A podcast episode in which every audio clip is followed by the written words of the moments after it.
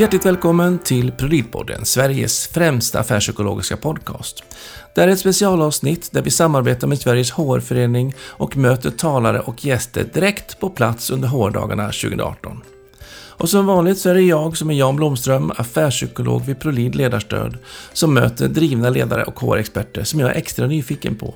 Men här har jag också fått förstärkning vid min sida i form av 2018 års Magnus Söderström-stipendiat Rickard Mårtensson, medgrundare och seniorkonsult vid Human and Heart HR. Så jag hoppas du har ett riktigt inspirerande avsnitt. Nu kör vi!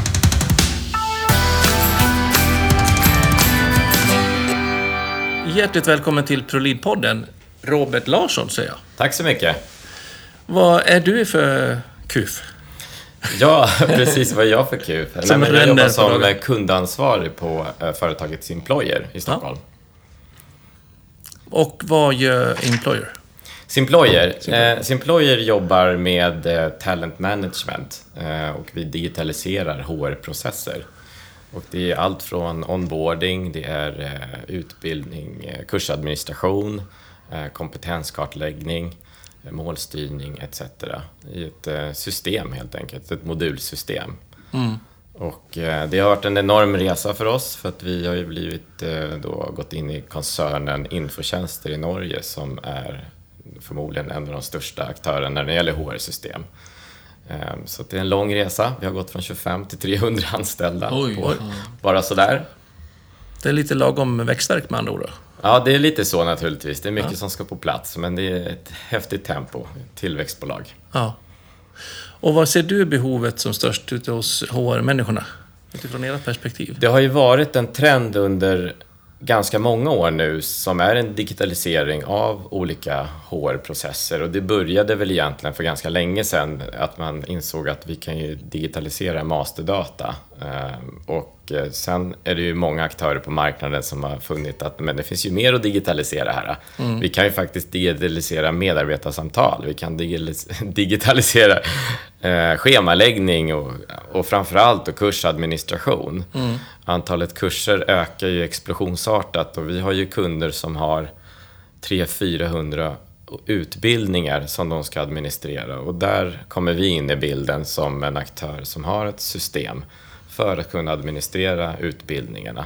Mm. Och eh, sen 2011 har vi kopplat på det som vi kallar för eh, talentdelen där vi då jobbar även med målstyrning och eh, digitaliserar medarbetarsamtal och kompetenskartlägger. Så det gör ju att vi kan erbjuda en eh, medarbetaren kan bli erbjuden en resa. Allt från den dagen de börjar till den dagen de ska sluta så mm. finns det en tydlig väg för dem att eh, utbilda sig och framförallt synliggöra karriärvägar. Mm. Vilket gör att det blir ju lägre personalomsättning. Förhoppningsvis. Men statistiken talar ju för det, helt mm. klart. Är det många som varit nervösa här i år med sina digitala system när det gäller med GDPR, sin inträde och eh, på... på eh, Verkligen. Ja. Och det är ju så himla relevant. Eh, för det som inte bara vi utan kollegorna i branschen erbjuder är ju digitaliseringen så kan du ju skapa en större trygghet på många sätt. Det är klart det finns mm. många risker också. Men det finns en hög säkerhet. Vi kan idag avidentifiera personer i ett system som man inte kan göra på samma sätt när man för till exempel medarbetarsamtal på papper. Mm. Då måste man ju slänga alla papper. Mm. Och inte har man kvar någon data. Idag kan vi behålla datan men avidentifiera individerna. På, då, på det sättet så får man ju ha kvar mycket väsentlig information. Mm. Uh, och, så där har nästan GDPR varit till, till, till godo så att säga. Mm, mm. För det ställer högre krav på systemen också. Mm. Och att man måste ha en tanke med vad, vad vill vi med informationen? Exakt. Mm. Och där är ju nog vi väldigt tidiga att säga att gör det enkelt. Eh, ät apelsinen i klyftor, det blir godare. Ta lite i taget. För att mm. det är en lång resa. Det finns idag, jag menar, inom vår koncern så har vi 34 moduler och man kan inte liksom dra igång digitalisera allt på en gång. Nej. Utan man får ta det pö om pö för att det ska bli bra. Mm. Om man nu ska börja digitalisera någonting, menar, om vi bortser från de här klassiska frågorna som mm. lön, lön och, ja. och så vidare. Var ska man börja då, tycker du?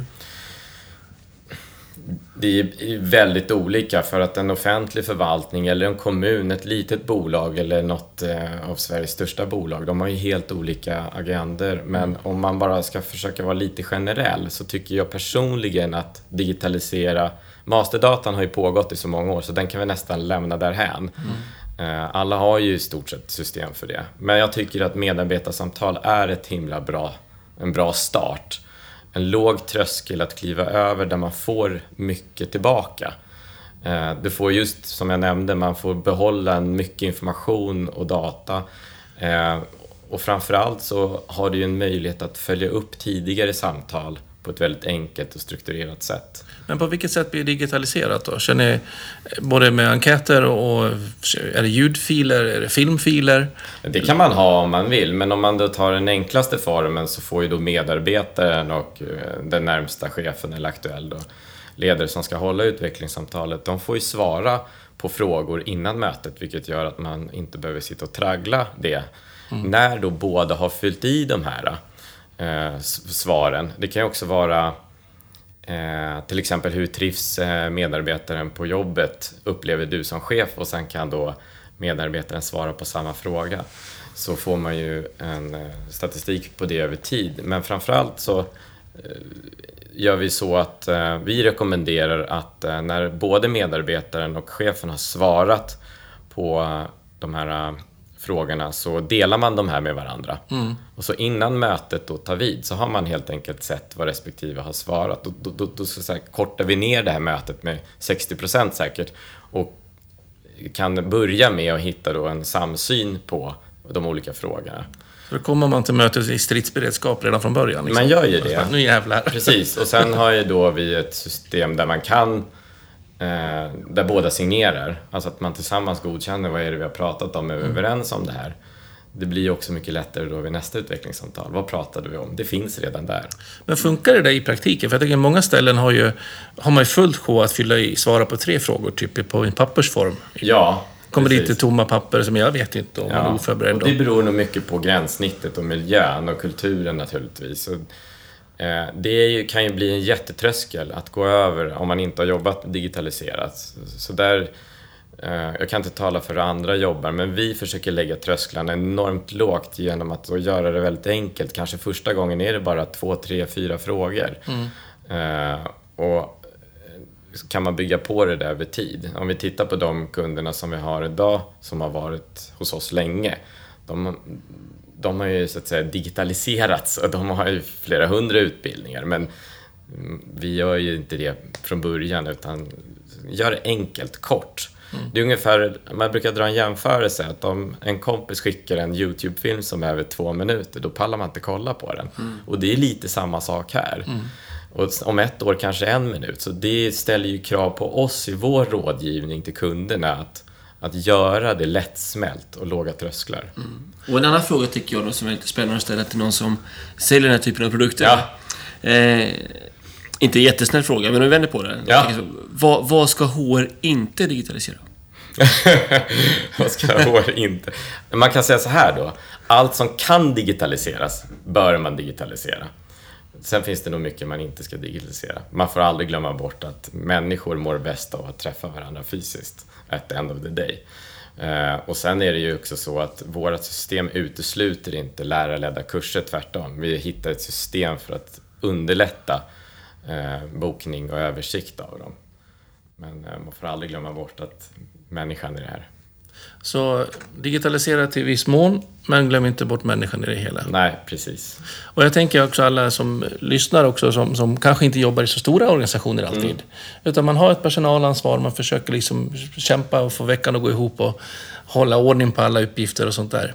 Eh, så en liten företag, vad, vad, vad skulle vara enklast där tycker du att digitalisera? Vad, kan, vad, de behöver, vad tror du att de behöver mest? Ja, om man tittar på tillväxtbolag så tycker jag onboarding är ett alldeles utmärkt sätt att digitalisera. Mm. I ett tillväxtbolag så är det full fart, det händer saker, alla ska göra allt hela tiden.